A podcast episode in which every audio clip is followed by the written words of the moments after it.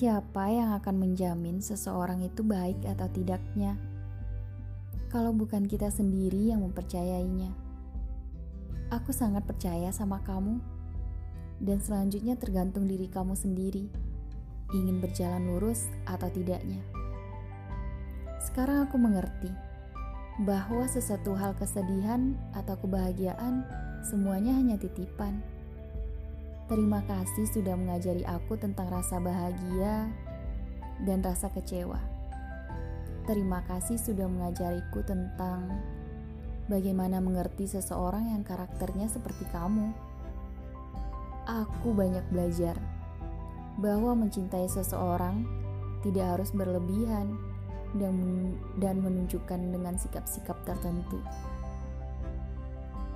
Dan menyayangi seseorang tidak boleh egois Maaf, aku sudah egois dan memaksakan kehendakku.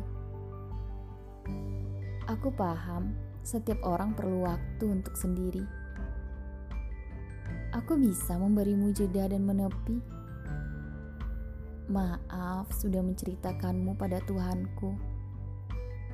Aku selalu menyebut namamu di setiap lima waktuku. Maaf, aku tidak meminta izin terlebih dahulu. Aku berdoa agar aku kelak bersamamu.